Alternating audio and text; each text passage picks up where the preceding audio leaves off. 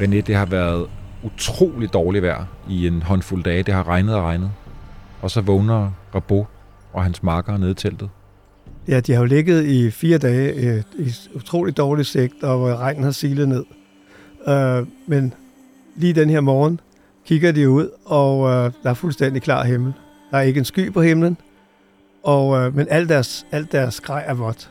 Og det eneste Rabot Rabo har, som er tørt, det er nogle lange underbukser, som han har haft på om natten. Men øh, da vejret er så godt, så beslutter han, at øh, de vil lave en rekognosceringstur. Og se, hvor langt de kan, kan nå, og se, om, øh, om der er en vej op. Der, hvor de tror, der er en vej op. De går i gang, og det ene øh, skridt tager det andet, og den ene sten tager den anden. Og pludselig står de op på et øh, plateau, og foran så kan de se øh, iskejlen, som er, er Kebnekaises top. Og øh, så siger han, for guds skyld, lad os gå mod toppen.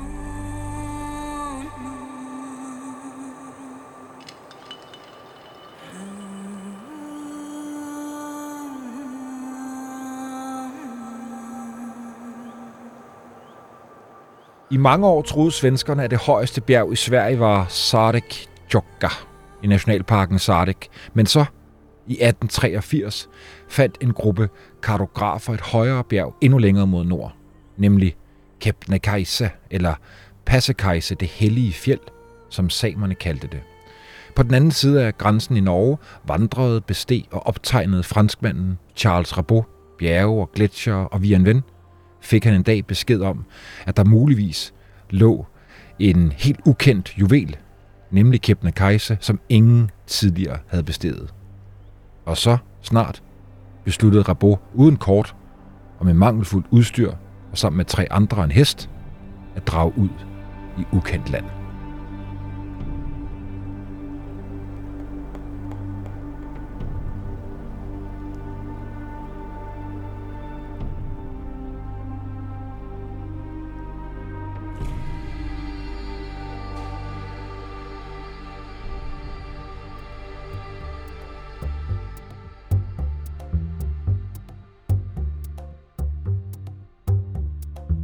Du lytter til den yderste grænse. Jeg hedder Bjørn Harvi, og i dag skal vi op og ud i det fortryllende Lapland og ud på Kungslæden og op på Kebnekaise, og hvem bedre til at hjælpe os på rette vej end dagens kilde. Velkommen, René Junggren. Tak. Og det er herligt, du er kommet. Jeg har glædet mig. Jamen, det har jeg sådan set også. det er jo længe siden, vi har været sammen, så Ja, ja, hyggeligt. sidste var omkring et bål. Ja, det var det. Ja, så nu er det et studie på Nationalmuseet. René, du er vandringsguide, foredragsholder og forfatter til en lang række bøger om vandring i Sverige og i Lapland. Faktisk præcis om de områder, vi skal snakke om i dag. Du har skrevet flere bøger om området, blandt andet bogen Kebnekaisefjellene og bogen Kungsleden af Bisko til Kebnekaise. René, meget få mennesker i Norden kender de svenske fjelde bedre end dig. Du besøgte det her område nord for Polarcirklen første gang i 1969, og så har du været tilbage næsten hvert år. Du har blandt andet også arbejdet to år, eller to sæsoner på Kebnekaise fjeldstation. Gode venner fortæller mig, at hvis man spørger en lokal deroppe om et eller andet, og de ikke kan svare, så siger de, du bør tale med René. ja, det kan sgu godt være. Jeg tror ikke, det er helt løgn. Nej, det er, ikke, det er ikke sikkert. Hvad, øh, René, hvad er det, der fascinerer dig så meget ved det her område? Jamen, jeg ved sgu ikke, øh, altså... Jamen, der, var- der er jo en lille forhistorie på det. Altså, fordi jeg, jeg har jo altid haft sådan en hang til naturen og, og vandringer. Jeg vandrede også som helt ung jo i Sydsverige. Og, og øh, så, så går jeg ind øh, på universitetet og ind i sidegaderne. Der er sådan en, en antikvarboghandel. Der står altid og bladrer. Det gør jeg altid. Øh, så finder jeg en bog, øh, som hedder noget med Kungsleden. Jeg tror, den var fra Berlingske forlag. Den, den er desværre gået tabt i alt mit flytteri, og jeg har aldrig kunne finde den igen. Men den beskrev øh, Kungsleden, den øverste strækning af Kungsleden fra Bisko og så ned til Singestuen og så ud til Nikaloksa. Og så tænkte jeg, at øh, det så skulle spændende ud. Der var også nogle sort billeder i. Det var en gammel bog jo. Og så tænkte jeg, at det skulle jeg da prøve. Og så spurgte jeg jo nogle af mine øh, vandrevenner der, om ikke de synes, det var en rigtig god idé at tage på fjellet. Det synes de overhovedet ikke. Uh, de synes stadigvæk, altså det er småskør, ikke? Men så tænkte jeg, at jeg gør det selv. Og så tog jeg bare toget op øh, til Abisko, og så gik jeg ned ad Kungslæden. Og så mens jeg gik og kiggede der, så, så går man jo også og kigger. Jeg var meget fascineret af, af, af den her rute, og, og af fjellene og så. Vi, jeg vi bor jo i sådan et fladland her, ikke? Og jeg havde ikke været sådan, jeg havde ikke været i Norge eller andre steder, hvor der har været, været jeg har godt nok været lidt nede i Alperne med mine forældre, men det var på ski, ikke? Men øh, jeg havde aldrig været derop om sommeren. Og så mens jeg gik og kiggede, øh, eller gik ned ad Kongstenen, så går man jo også og kigger ind i sidedalene, og tænkte, det så også spændende ud. Altså, og det så måske endnu mere spændende ud, for det så lidt mere vildt og smalt ud, øh, når man kiggede udefra. Og så tænkte jeg, det skal jeg, sgu, skal, skal jeg igen, ikke? Og altså, det var faktisk allerede øh, samme år, samme sommer, der tog jeg op sidst på sommeren i august og gik øh, en lidt anderledes tur, hvor jeg sådan lige gik lidt ind i en sidegade og ud igen. Og øh, jeg blev ved med at være fascineret af, af det område der. Så i, i flere år, der vandrede jeg faktisk i det område, men så var der også nogen, der sagde, at der var også flot nede på Adangervider i Norge og, og i Jotunheimen, og det var sådan der, hvor danskerne ellers sådan rejste op, ikke? Og så tænkte jeg, det, det, ja, det må jeg jo også se så, ikke? Men jeg har alligevel, jeg vil, har altid vendt tilbage til Kebnekaise. Og det er 55 år siden, René. Det er simpelthen 55 det år siden. For, det er for vildt. Hvor, hvor, hvor, øh, hvor starter vi i dag med historien om den her første bestigning af Kebnekaise? Jamen, vi starter jo med, med, med, med det enorme område, der er op omkring øh, Kebnekaise, som det jo handler lidt om i dag.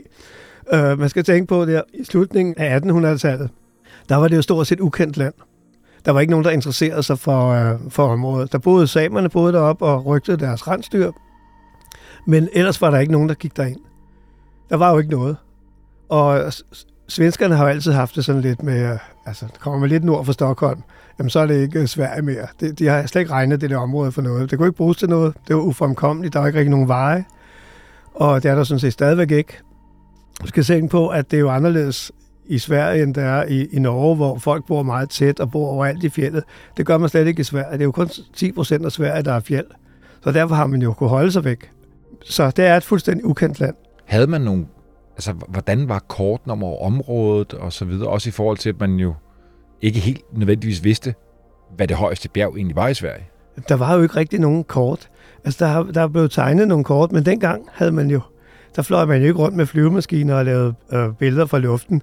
Altså, man, når man tegnede et kort, så gik man jo rundt nede i dalene, og så tegnede man nogle streger på kortene, ikke? ligesom vi har hørt fra Grønland. De stod ude på skibene, og så tegnede, prøvede de at tegne kystlinjen på, på fri hånd.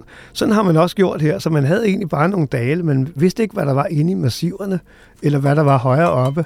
Man havde kun de her de her dale. Samerne havde vel heller ikke brug for nogle kort. De, de, de ja, havde de ikke brug for jo, nogle kort. De var jo vant til bare De var jo født og opvokset der. De, de, de var der jo bare, og de fulgte jo deres rensdyr frem og tilbage mellem øh, sommergræsningen og vintergræsningen, og, og rensdyrene, de gik samme vej.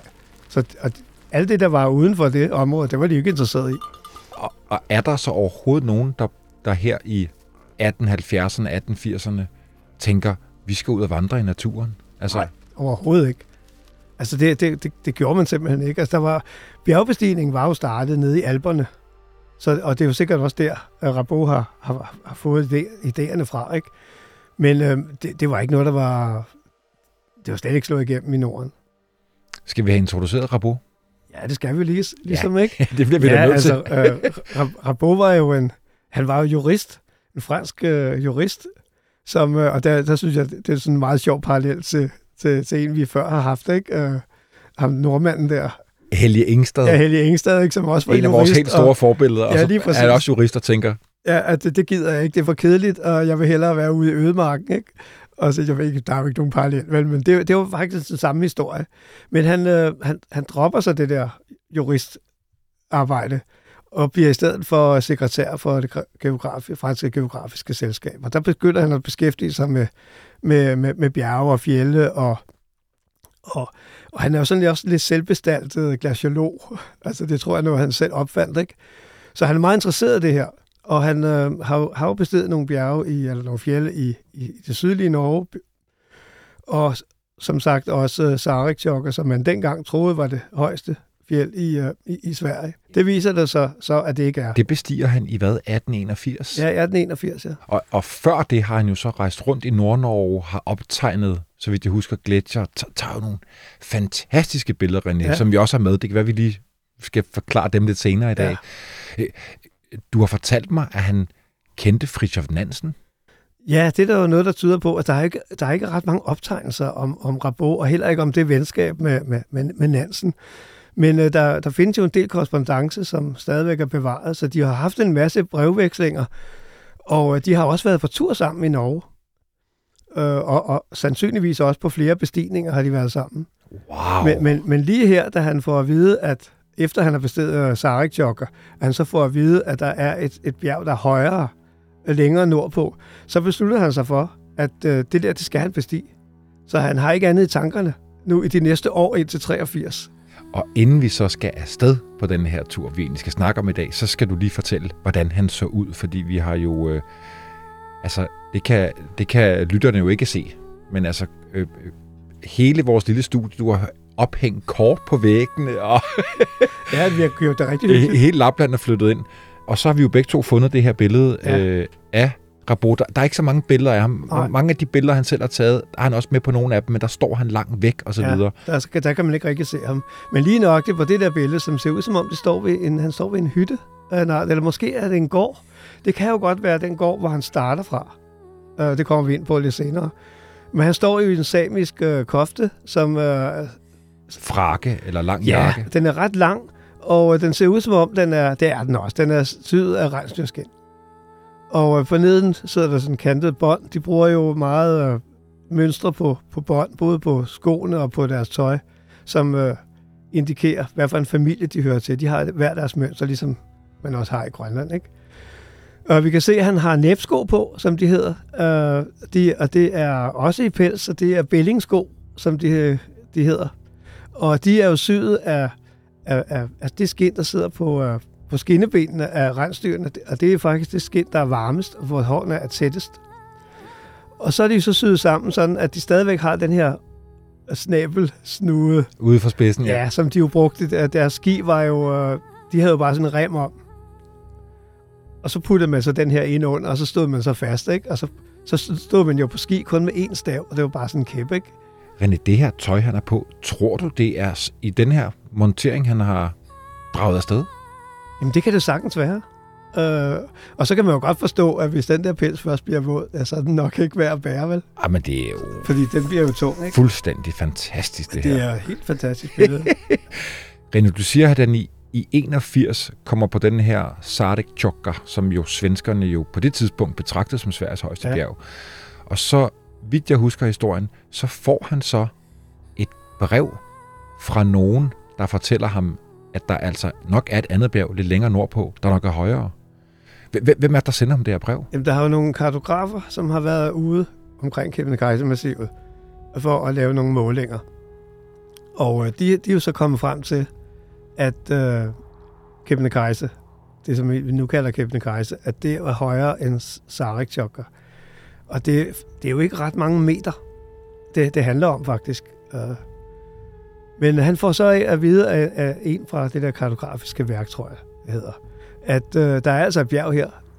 Men hvordan de har forbindelse med hinanden, det, det står hen i det uvisse. Så vi ved heller ikke, om de her to kartografer, de hedder Bugt og Linden, men vi ved ikke, om de også havde en ambition om at selv at komme på toppen. Nej, det ved vi faktisk ikke. Vi ved ikke, om de har været deroppe. Vi ved, at de har lavet en måling øh, på højden af, af bjerget.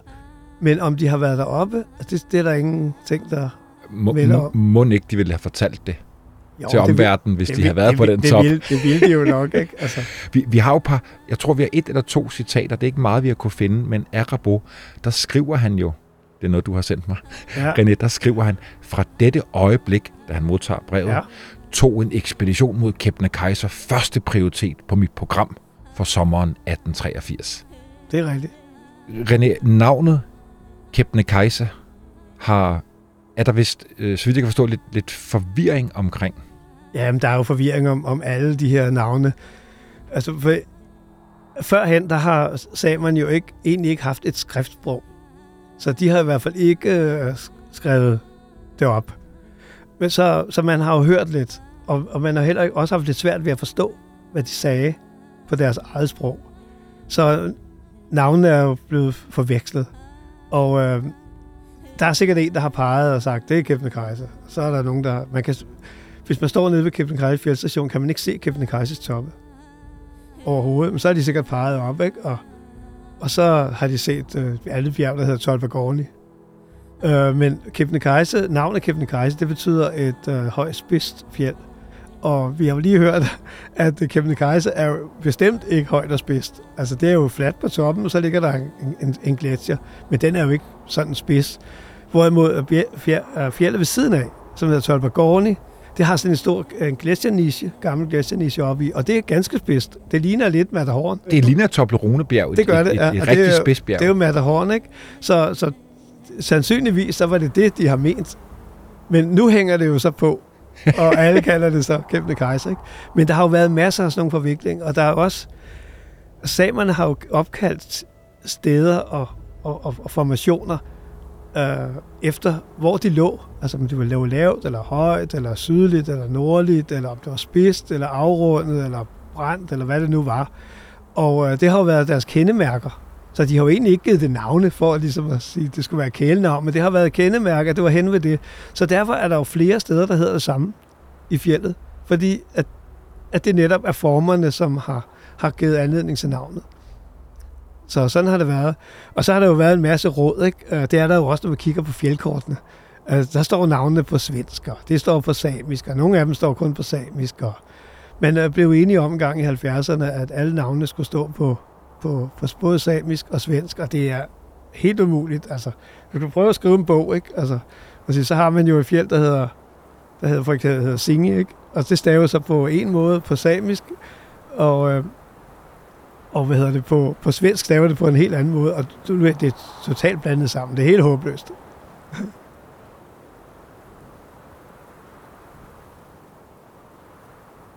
Nu skal han afsted. Hvad, hvad er hans plan? Han skal jo ind til det her bjerg.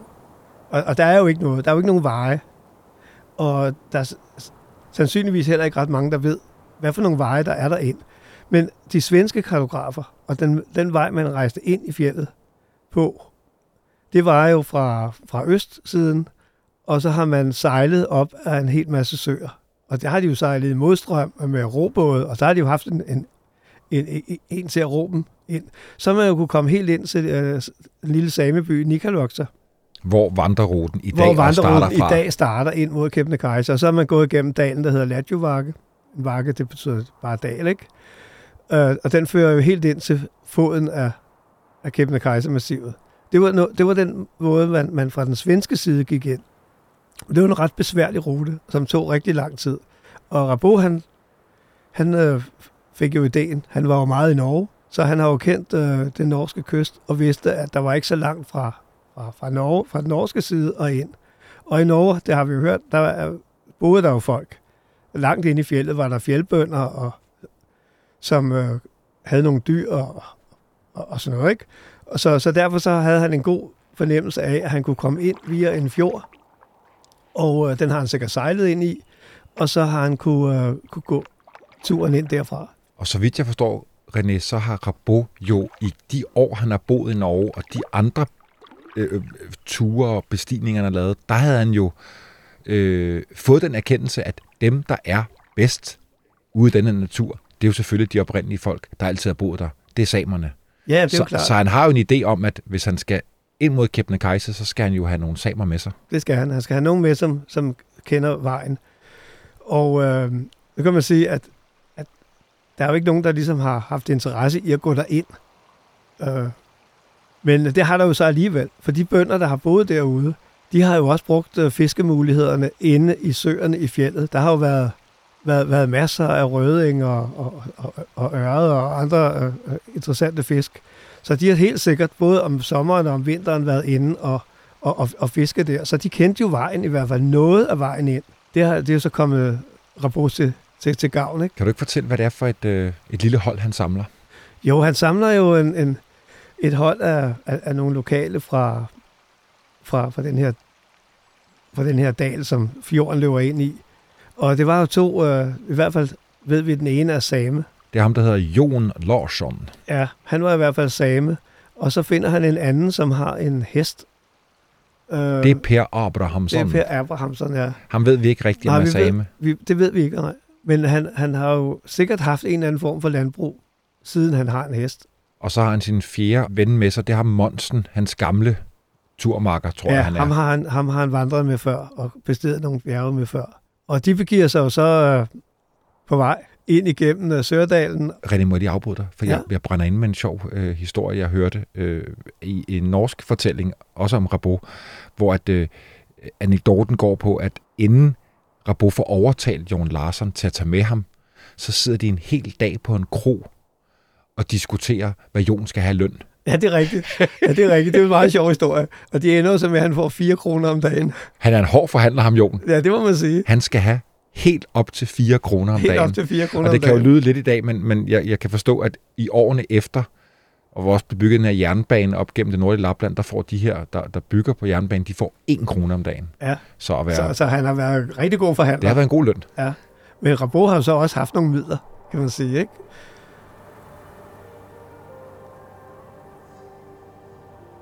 Men de starter jo så med at gå, gå ind i, i, i fjellet. Og øh, det har de nok regnet med, at de var en lille uge om at nå frem.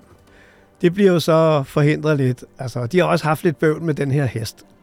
Øh, fordi no, i nogle af de passager, altså hvis vi kigger på kortet, der hænger herovre på væggen, så kan vi godt se, at nogle af passagerne, de ser ud som om, at de indeholder ret stor, meget blokmark, altså store sten. Og der har de enten måtte gå udenom, eller også må de føre hesten på en eller anden måde. Den skulle ikke komme til skade. Så det har nok nogen, det, øh, på nogle etaper har det nok taget lidt længere tid. Men, men jeg vil tro, det er en 4-5 dage, så tror jeg, de har været inde, hvor de så bliver overrasket af regnvejr og ikke kan komme nogen vegne. Og det er faktisk sådan, hvis man sidder med, med kortet derhjemme, eller zoomer ind på Google Maps, så er det jo faktisk store dele af den rute, de går. Det er den, der i dag hedder Nordkalot. Nordkalotletten, ja. Nordkalotletten. Ja, som, den går igennem den dal også.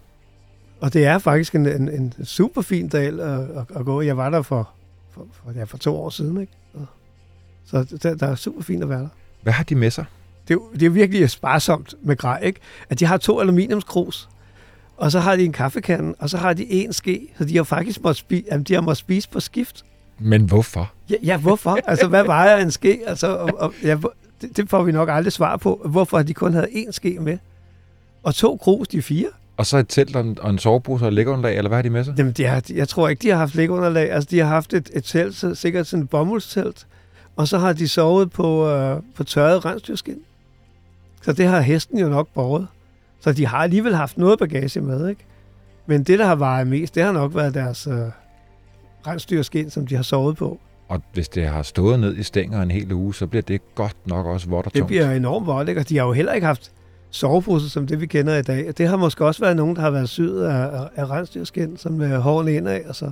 Det kan man jo sagtens sove i, men det er tungt. Ved vi, hvad, hvad de gør med mad og så videre? Jamen, de har, har, har altså, der er en optegnelse, hvor der står, at de havde de der krus til, og, og så kaffekanden. Og kaffekanden blev både brugt til at lave kaffe i, og til at, at koge suppe i. Så de, jeg tænker, at de har fået noget suppe af en art, og så har de vel haft noget øh, tørret rensdyrkød, som de har fået øh, på vejen. Og det kan man sagtens øh, leve af. Jo. Og så skyder de måske et par ryber og sådan noget også. Det synes jeg, jeg i hvert fald læste et sted, at de, de får, får Ja. skudt lidt fugle. Ja, de har nok haft øh, et, i hvert fald et gevær med, ikke? Og så, har de, så er det det, de har haft. Ja, Hvordan de så har lavet nogle ryber i en kaffekande, det, det, det ved jeg godt nok ikke. Nu når vi snakker udstyr og hvad, hvad de havde med, René, så, øh, så, så er vi begge to lidt i tvivl om, om Rabo havde et kamera med. Har du set billeder fra øh, Kebnekaise-rejsen her? Nej, jeg har ikke kunne finde noget som helst billedmateriale. Altså, jeg har søgt øh, vidt og bredt. Og der er jo heller ikke rigtig nogen optegnelser, og da der ikke er nogen billeder, så, øh, så tror jeg faktisk ikke, de har haft noget med. Men det har jo også dengang været, det er jo, det er jo glasplader, de har fotograferet på.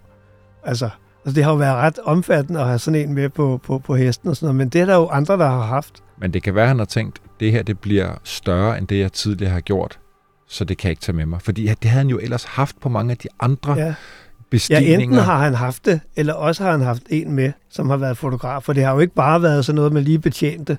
Men vi ved jo, at der er jo en, en, en meget kendt øh, fotograf, som har, har, har fotograferet i fjellene meget, og om han har haft noget med det at gøre, det aner ikke. Men der er ikke noget, der tyder på, at, at Rabo har haft kamera med. Men han har haft kamera med på hans tidligere rejser i Norge. Ja, og, nogle af, han. og nogle af de billeder har vi jo fundet på det norske øh, Rigsarkiv. De æder man med flotte. Jeg har taget to med. Ja, de er jo meget øh, velbevaret faktisk. Øh, Her ser vi jo et, et, billede, som, som sagtens kunne være taget i Kebnekaise-massivet. Øh, Det er det jo nok ikke, men øh, det ligner jo meget godt, og Altså, vi ser, nogle, en, en, vi ser en gletsjer ligge inde på en fjeldside, og så ser vi, at der stikker nogle, nogle takker op, altså noget hvad hedder det, klippe op af den, og det ser meget flot ud, og det, det er faktisk skarpt, og, og fin, fin stemning. Altså. Og helt eventyrligt med de der øh, gamle knæk i glasset. Ja, det, det er ret sjovt, ikke? Ja, i yderkanten af billedet. Så har jeg fundet et andet billede, som jeg måske også synes øh, beskriver ret godt den verden, de egentlig er på vej ind i. Og det, det når man ser det her billede, i hvert fald når jeg ser det, René, så tænker jeg, hold nu op, at Lapland så sådan ud i 1880'erne. Så det er jo den oprindelige befolkning af samerne, han møder. Ja, her ser vi jo faktisk en samisk familie stå øh, med deres traditionelle tøj, og, og vi kan se, at de har rejst øh, øh, lægterne, eller hvad man kan kalde dem, til, til deres kåde. De boede jo i sådan nogle, øh, nogle kåder, når de rejste. De havde to forskellige bolig, boligformer. De havde der, sådan nogle tørvehus om, om, om vinteren, og så havde de øh, nogle kåder, som ligesom var et telt. Ligesom, det er ligesom en tipi. Øh, den brugte de jo, når de rygte deres rensdyr og flyttede sig i løbet af sommeren.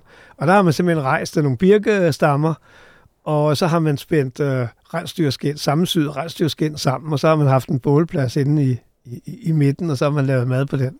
Så de har måttet, øh, de har altså, transporteret ret meget rundt, når de har, har været der.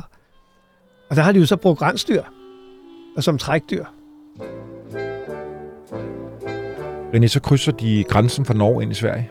Ja, og øh, så kommer de jo ind i en smal dal, der hedder Kutjevakke, og der har de så øh, to markante fjelle på, på, på, på siderne. Og de har Selka mod nord, og så har de Una Ruska og Store Ruska på, øh, på sydsiden.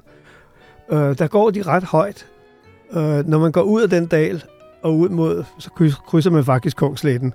Men inden man går ned til der, hvor der nu er en bro, og hvor de har brugt et vadested, der er øh, de oppe i 900 meters højde. Og, og der har de udsigt direkte over i, uh, i en dal, som hedder Kurbervakke, og hvor at den store gletsjer, som nu i vores dag hedder Rabos Glacier, ligger, og ovenover den er Kebnekaises to toppe. Så der har de kunne se Kebnekaise? De har, hvis, hvis de har haft godt vejr der, så har de i hvert fald kunne se Kebnekaise. Og øh, der er ikke nogen optegnelser for, hvor de lå i regnvejr. Men de kan meget nemt have ligget i den dal. Og de kan meget nemt have, have taget øh, forsøget på at, at nå Kebnekaises top via den dal. Der er ikke specielt langt ind. At det har nok brugt en dag på at komme ind. Ham her, Jon Larsson, øh, samen, der er med, han er også en form for guide.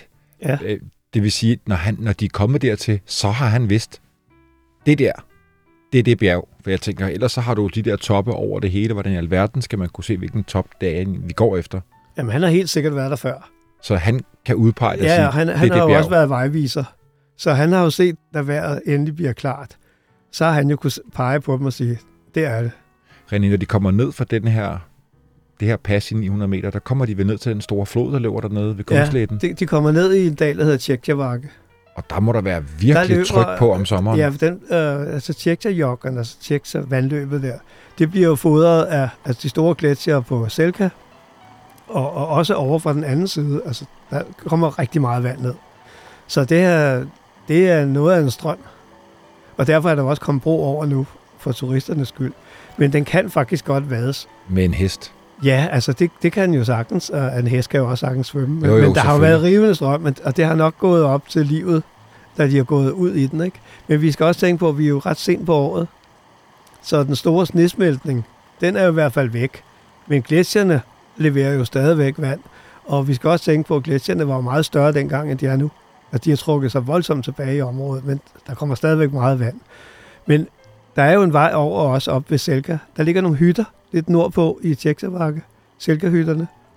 Og de er tit, øh, hvad kan man sige, udgangspunkt for at bestige Selka, som er ret nem at bestige. Og der går man ned til det her vandløb, Tjeksjajokke, og så finder man det bredeste sted, og så krydser man lidt op igennem, og så kan man sagtens komme over. Så det har de også kunnet.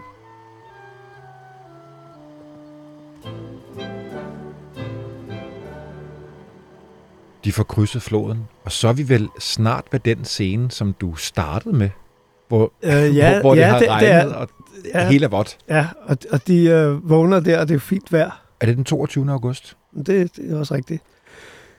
De starter så der sandsynligvis tidligt om morgenen, og går der ud af. De, de har sikkert ikke særlig travlt, fordi det er jo ikke meningen, de skal noget. De skal, det er bare en rekognoscering. Er der en vej? Øh, og de kommer jo ind. De går så ind i øh, Kurbavarke, som den hedder. Og øh, den bliver sådan ligesom delt, når man kommer et stykke ind. Der er en fjeldformation, der hedder Dragryggen, altså Dragryggen. Og der kan man på den ene side, der går man videre op mod et andet pas. Men, øh, hvad kan man sige, syd for Dragryggen, der ligger der en mægtig gletsjer. Og den har været meget stor dengang. Det er den, der nu bliver, er blevet opkaldt efter Rabot. Den hedder Rabot Glacier. Det trukket sig en del tilbage. Men inden ved den, der ser han en mulighed, en mulig vej op. Der er vildt stenet, og det er jo løs klippe, så, så de har måttet gå lidt for skudt, og der falder sten ned hele tiden, mens de går der, og de skal passe på, og, og man ved ikke rigtigt, når man går op ad sådan en side, man kan jo ikke se toppen, når man er helt inde ved bjerget. Så de har jo bare forsøgt at krydse op, og det har sikkert været stejlt nogle gange, men det er altid nemmere at gå op og ned. Og de har jo kunne se, da de stod derinde ved gletsjeren, der har de jo kunne se, at det er en lodret mur, den går 600 meter op, og så ligger den her iskejle, som er Kebnekaises top, den ligger jo deroppe og lyser. Og nordtoppen står så lidt nordligere og er kun klippe. Og så er der sådan en iskam hele vejen henover. Det er som sådan en sadel med is fra den ene top til den anden. Og det har jo set helt fantastisk ud, og det gør det også i dag. Jamen, det er jo Altså det. går man Kungsletten og, og når derned til, så kan man ude fra Kungsletten se toppene. Det er fantastisk skue.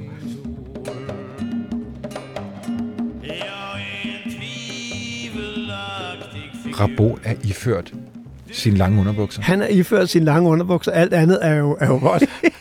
så han går jo op, men det er jo fint vejr. Og de, de måler jo åbenbart temperaturen til at være 0 grader, når de kommer op på plateauet, som Ja, ja, de jo fordi- endelig når. Fordi de er jo kun de tre. Jon Larsen, han bliver tilbage Han i bliver teltet tilbage i teltet, og sidder og, og tørrer nogle ting. Og sådan ja, og, og, og er klar med noget mad for, formodentlig, når de kommer ned. Ikke? De kommer så op på plateauet, og så er det jo så, at de ser, der er jo relativt fladt, og, og stykke fremme, der ser de den her iskejle. Og så siger han jo de der berømte ord, vi havde før. Gå på i Guds navn. Ja, præcis.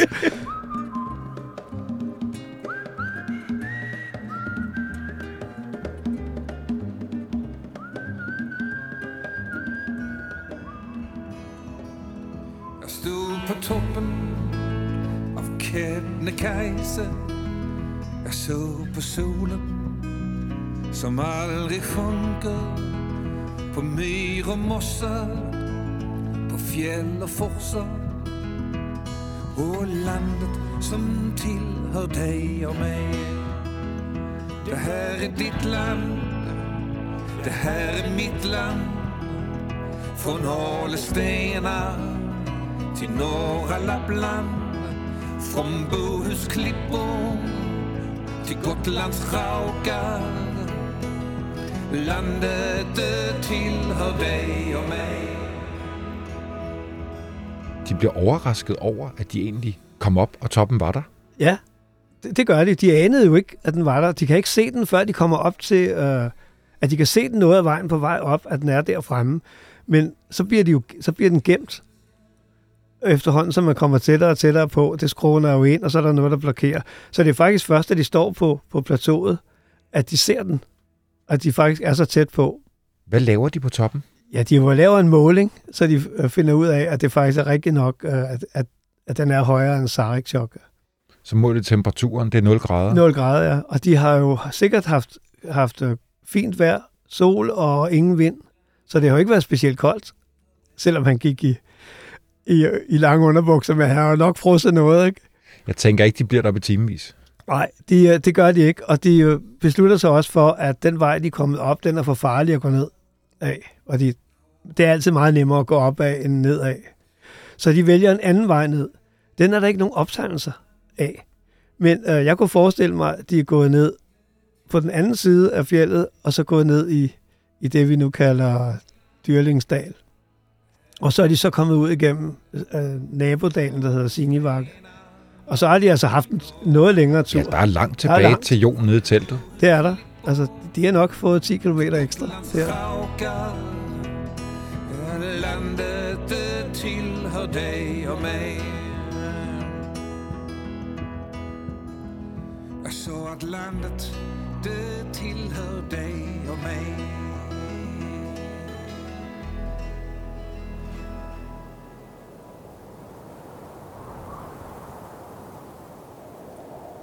De er på toppen klokken 7 om aftenen Ja, i august måned. Der er jo stadigvæk fint lyst. der er stadigvæk fint lyst. Ja. Hvordan er det at stå på den top, René? Hvad, hvad ser man? Ja, de står jo først og kigger på øh, den her gletsjer, der rejser sig. Og den har jo været meget højere, end den er nu. Den smelter jo af nu. Øh, fjellet har jo været 2.030 meter højt dengang, mener jeg, og den er 2.000 og højst 14 i, i, i dag, ikke? Men øh, de har jo så stået og kigget på den her, og den rejser sig jo i sådan en spids op. Og øh, der har de måttet gå op. Og så har man altså 300 meter, når man står på en, en op på det, der er en meter at stå på, helt op på kejlen i vore dage. Jeg synes, det er ubehageligt. De, øh, du har 300 meter lodret ned til øh, Bjørnings Glacier, og du har 600 meter ned til øh, Rabos Glacier på den anden side. Det er altså lidt... Øh, ja, man er sgu noget eksponeret, når man står deroppe, ikke? Men man siger, at man kan se, jeg ved sgu ikke, hvordan de har regnet det ud, at man skulle kunne se 10 procent af, af, af Sverige fra toppen. Altså, det var, jeg ved sgu ikke. Men, men det er sindssygt flot. Altså, står du deroppe i klart vejr, så kan du jo se, øh, du kan se helt ned over Sarikchok og, øh, og he, næsten helt ud til Atlanterhavet, altså ud over den norske grænse. Det er jo trods alt det, er det højeste fjeld øh, i, i, i hele det område deroppe. Ikke? Det er virkelig flot. Ja, Norges højeste fjeld, det er jo langt, langt sydligere. Det er langt og det- Vi har så, øh, når man kigger over mod Norge fra Kebnekaise, så har vi Stor, Storsteinsfjeld, som også er en 1800 et eller andet højt. Ikke? Så, og det, de, de fjelde har du kunne se derinde, og du har kunne se isen og, og, og sneen på toppene af dem. Øh, og der sidst i august, der er der jo sikkert også faldet lidt ny sne på, på toppene på nogle nætter. Ikke? Så det har været et fantastisk uge. Jamen, Altså- det er jeg faktisk ret sikker på, da de øh, om morgenen der tager afsted, og det har regnet, og formentlig så også sneet, Ja. der, er der, der, er der, der er der hvidt på, på alle fjeldsider, Ja, da de begynder at gå op. Der er simpelthen ny sne, ikke? Så det har været su- super flot, ikke? Altså, og det er, har det jo også været for... Nu, altså i vores dage, der går vi jo også derop i midnatssol, ikke? Altså, det er jo sindssygt flot, ikke? Altså, det, det er det. Altså, det, det, det er værd at gå op på.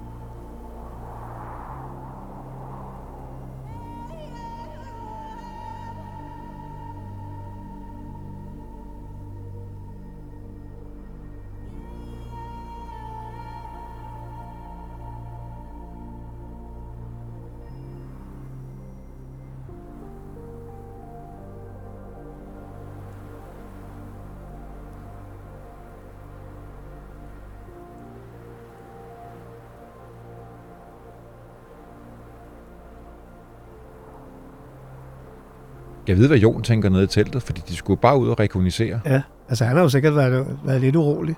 Altså, for hvad der kunne være sket, ikke? Ja, fordi hvornår kommer de tilbage? Jamen, de er, jo, de er jo sidst på natten, eller noget i den stil, ikke? Altså, de er jo væk næsten et døgn, ikke? Og no- nok noget for kommende, så de har nok været glade for, hvis han har lavet noget suppe til dem, eller noget, ikke? Jeg, jeg har læst et sted, at han har siddet og holdt den, en gryde klar, eller ja, kaffekanden. ja, han, han. han har lavet noget mad til dem, og Rabo siger, at hvis det ikke var, fordi de var så ufattelig sultne, så han aldrig sat sit tænder i det mad der. det står rigtigt. Jeg tror ikke, det har været noget særligt. Det kan være, at han har kogt et eller andet på det der tørrede rensdyrkød og sådan noget vand eller noget, ikke? Hvordan kan, vi, øhm, hvordan kan vi på en eller anden måde afslutte Rabo her? Ved, ved vi, hvad der sker efter bestigningen med ham? Nej, det gør vi faktisk ikke. Øh, og det underlige er også, at, øh, at, at han på en eller anden måde bliver det ikke meldt ud, at han har bestedet det her bjerg. Nej, fordi Altså, det er ingen ved det. nærliggende at spørge, bliver han en berømthed? Nej, det gør han jo ikke. Altså, altså man må sige, en hver anden vil jo have, der vil jo have været avisartikler, og hvad ved jeg, ikke, at nu har han lavet den her bedrift, ikke? Og det, det var der jo fra, fra samtidige, som lavede sådan nogle ting. Men der er ingenting, i, jeg tror det var tre år eller sådan noget, at der ikke bliver, før, før det bliver offentliggjort i den bog, han skrev, ikke? Hvad kan årsagen til det være, René? Det, det er ingen anelse. Altså måske har han slet ikke øh, tænkt på en berømmelse, men bare tænkt på en personlig tilfredsstillelse ved at, at gøre de der ting. Jeg har skrevet her, at det er først i 1898. Ja. Det, det er 16, Det er 16 år senere, senere han at han, skriv, han skriver sin bog, der hedder Au Cap Nord. Ja. og det er så det, han beviser over for det svenske videnskabsakademi, at han har været på toppen. Men, Ja. men det har svenskerne ikke vidst. Nej, overhovedet ikke. Fordi det der er det sjove, det er jo så, hvis vi skal hoppe fra Rabot til en anden spændende person. Ja, seks år efter, at Rabot har bestedet bjerget, der er der jo en ung mand, en ganske ung mand, der hedder Bjørling. Johan Alfred Bjørling. Ja, og han finder på, at øh, han skal da bestige Kebnekaise. Han aner jo ikke, om der har været andre deroppe. Vi ved jo heller ikke, om samerne har været deroppe. Altså, fordi der er jo en offerplads deroppe. Og der er i hvert fald en optegnelse af, at der er en offerplads et eller andet sted på det bjerg, ikke? Jeg havde planlagt, at jeg skulle spørge dig om det, men det kan jeg jo så gøre nu. Er Rabot den første mand på Kebnekaise? Jamen, det ved vi jo ikke. Altså, det, vi ved det ikke. Men hvis samerne har haft en offerplads deroppe, hvor, hvor på bjerget skulle den ligge? Jamen, den kunne jo godt være oppe på det der topplateau. Men det er jo ikke det samme som, at, at samerne er gået op på, uh, på topgletsjer. Det er jo en gletsjer, der ligger op på Kebnekaises top. Det er for altså, Nordens eneste topgletsjer. Og den smelter jo ned. Altså, det gør den jo. Så jeg tror allerede nu, der er Nordtoppen vist nok højere end Sydtoppen.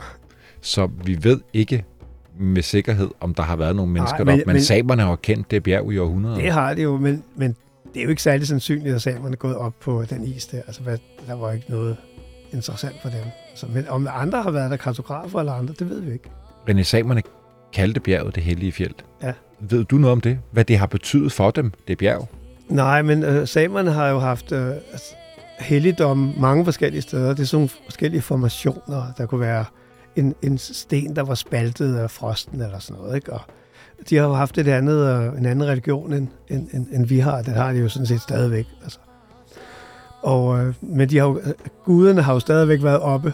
Og man kunne forestille sig tordenguden for eksempel. Øh, det, der kunne godt have været en, en sten, der var spaltet, som de troede, det var tordenguden, der havde lavet det. Og så er det så blevet sådan en helligdom. Men man kan sige, at have en helligdom oppe på så højt et, et fjeld, som er trods alt ikke er tilgængeligt sådan lige, men det er jo ikke bare en spacertur, man går op, vel? Altså, man skal jo arbejde noget for at komme derop. Og- hvad de har skudt deroppe, det øh, må stå hen i det uvisse. Det må guderne vide. For det er i hvert fald ikke på vejen, altså det er ikke på sådan en, en transportvej eller noget, vel? Men årsagen til at spurgte René, det var nok også mere, mange andre har jo haft de her bjerge rundt omkring i verden. Det kender vi jo fra rigtig mange steder, hvor, hvor det er, bliver et, et helligt sted, og hvor man egentlig heller ikke skal sætte sine fødder der. Ja, og det har man jo også haft uh, Sagamata som, som det højeste bjerg i Mount Everest hedder, ikke? Uh, det er jo, er jo også gudernes bjerg. Så man har jo haft sådan nogle... Uh, men man har måske troet, at, at guderne boede deroppe, eller, og så har man ikke kunne gå derop. Altså, men jeg ved det faktisk ikke. Skal vi høre om ham her, den 17-årige Bjørling? Ja, det skal vi jo. Han vælger jo en helt anden vej. Han kommer jo fra den svenske side, og har formentlig sejlet den her tur, kommer til Nikaloxa, hvor der også bor nogle samer. Øh, der, man mener jo, der boede, altså, det er jo startet med en mand, der hed Nikolaus, øh, en same, som ikke havde rensdyr. Øh, han, ham og hans familie har levet øh, som fiskere og senere som guider, hvor de har hjulpet blandt andet videnskabsfolk ind i fjellet. Og, og den dag i dag, der har de stadigvæk en turismevirksomhed, hvor de hjælper turister ind.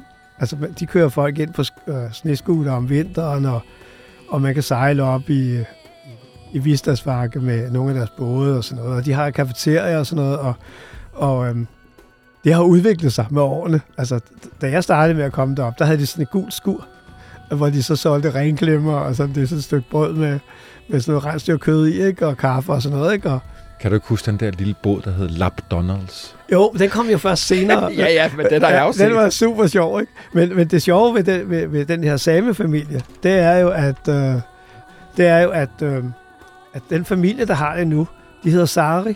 Og øh, for mange år siden, der havde de jo så den her lille kiosk, og der stod der også en pige inde, som var familie med dem her, Marit Sari, som også lemmede kaffe over. Og, og på mine mange ture derop, der har jeg jo besøgt det her sted mange gange, ikke? Så at, at det er stadigvæk en af mine venner, Marie Sari. Hun er blev senere uddannet sygeplejerske, og så var hun blevet, øh, var hun i, i flere år leder af Kebnekaise Fjeldstation. Og nu er hun leder af både af Kebnekaise Fjeldstation og af og øh, af Saltolux Fjeldstation. Så dem har hun så tilsyn med. Og hendes mand er Thomas er arbejder for fjeldredningstjenesten. Så dem har jeg stadigvæk en, en forbindelse med, så derfor får jeg altid på mine ture snedet mig forbi et af de steder, hvor de så ligesom er. Ikke? Så Og jeg er på vej til Saltolok om et par uger, René. Alt er, alt er forbundet her. alt er, forbu- alt er forbundet, ja, så du må jo spørge efter hende, om hun er på, Ja, på jeg, stationen. jeg, hilser, jeg hilser fra dig. Ja, ja, det skal du endelig gøre. Men vi har Bjørling i, og det må så være øh, 1889. Ja. Han kommer, siger du, Jamen, han kommer ned fra Nikolokta. han går ind fra Nikolox, og så går han så ind i uh, Latjovakke og kommer ind der, hvor Kebnekaise Fjeldstation uh, ligger i dag. Og der finder han så en rute op. Men det er jo en noget anderledes rute.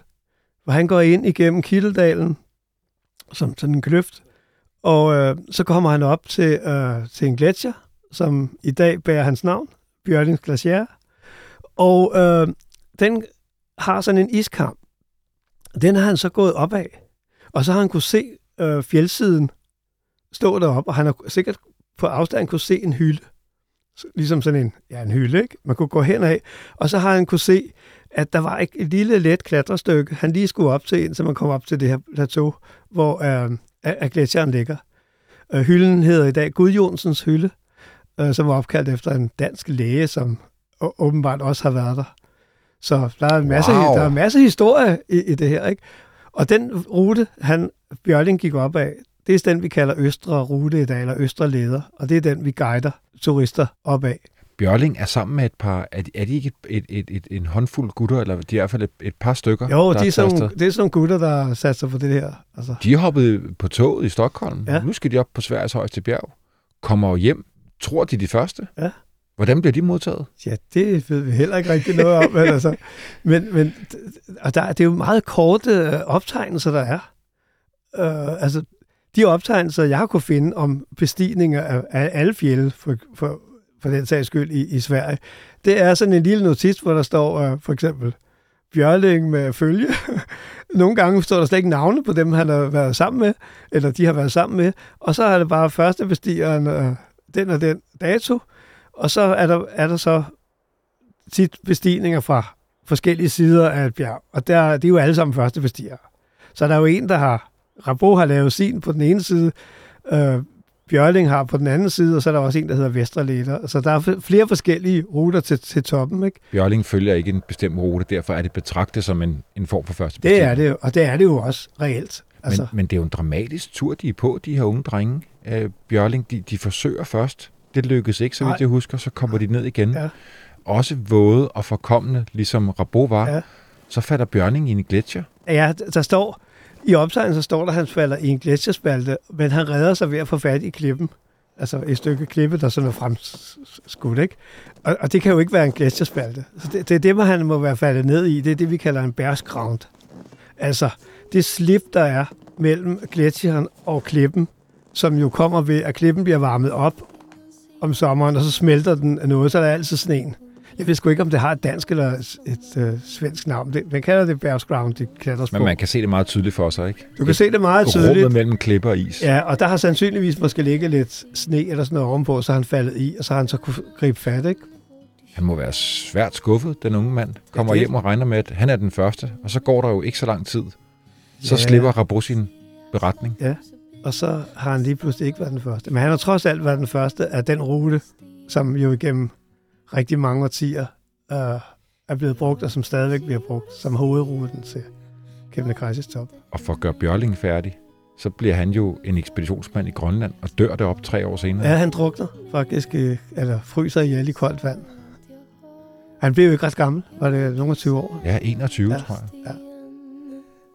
Litar väldigt sällan på någon annan Särskilt de som inte röker och som lever som de lär Folk som inte alls har några laster har jag svårt att sluta syna tills jag hittat var de är Jag vet att det är något som står i vägen för att jag ska välja bort det som förtrollar och förtär men ingen orkar fråga sig i mörkret Halvt i sömnen, halvt i drömmen Varför allting är så här Är så här Jag är kanske gör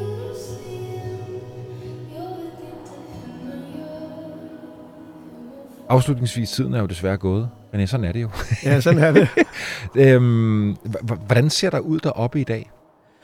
Ja, så fjellene, de ser ud, som de hele tiden har gjort. Men, øh, men, men det, er- det er jo langt nemmere at komme til Nikaloxa, og derfra at vandrestien ind til, til Kebnekaise fjeldstation. Så, øh, så hvis man vil opleve det, det, det miljø, som, øh, som, som Rabo og Bjørling også har, har været i, så kan man jo sagtens det i dag. Det er bare meget nemmere at, at, at gå til. Og der er jo markeret vandreruter ind nu, og en fjeldstation, man kan bo på, eller gå forbi, eller hvad man nu vil. Ikke? Og man kan sagtens komme ind, også i, uh, i, i dalen, hvor, hvor uh, Rabo har, har bestedet uh, fjellet fra. Jamen, den, Altså- den sidder jeg der og tænker på. Den kunne jeg da virkelig godt tænke mig at kopiere. Det kan man sagtens. Og, og det er jo en rigtig flot tur. Så ringer jeg. Kan jeg komme forbi på en kop kaffe og, Ja, og låne et kort? Ja, det kan du godt. Tak for i dag. Hvor var det spændende, René. Ja, Tusind tak. tak. Det var rigtig hyggeligt.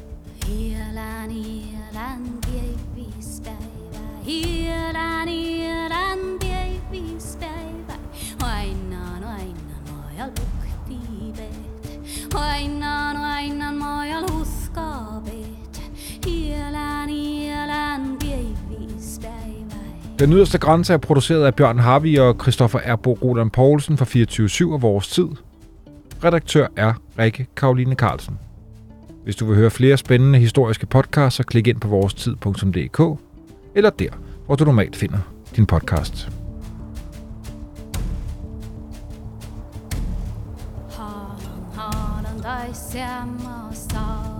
Haaland, han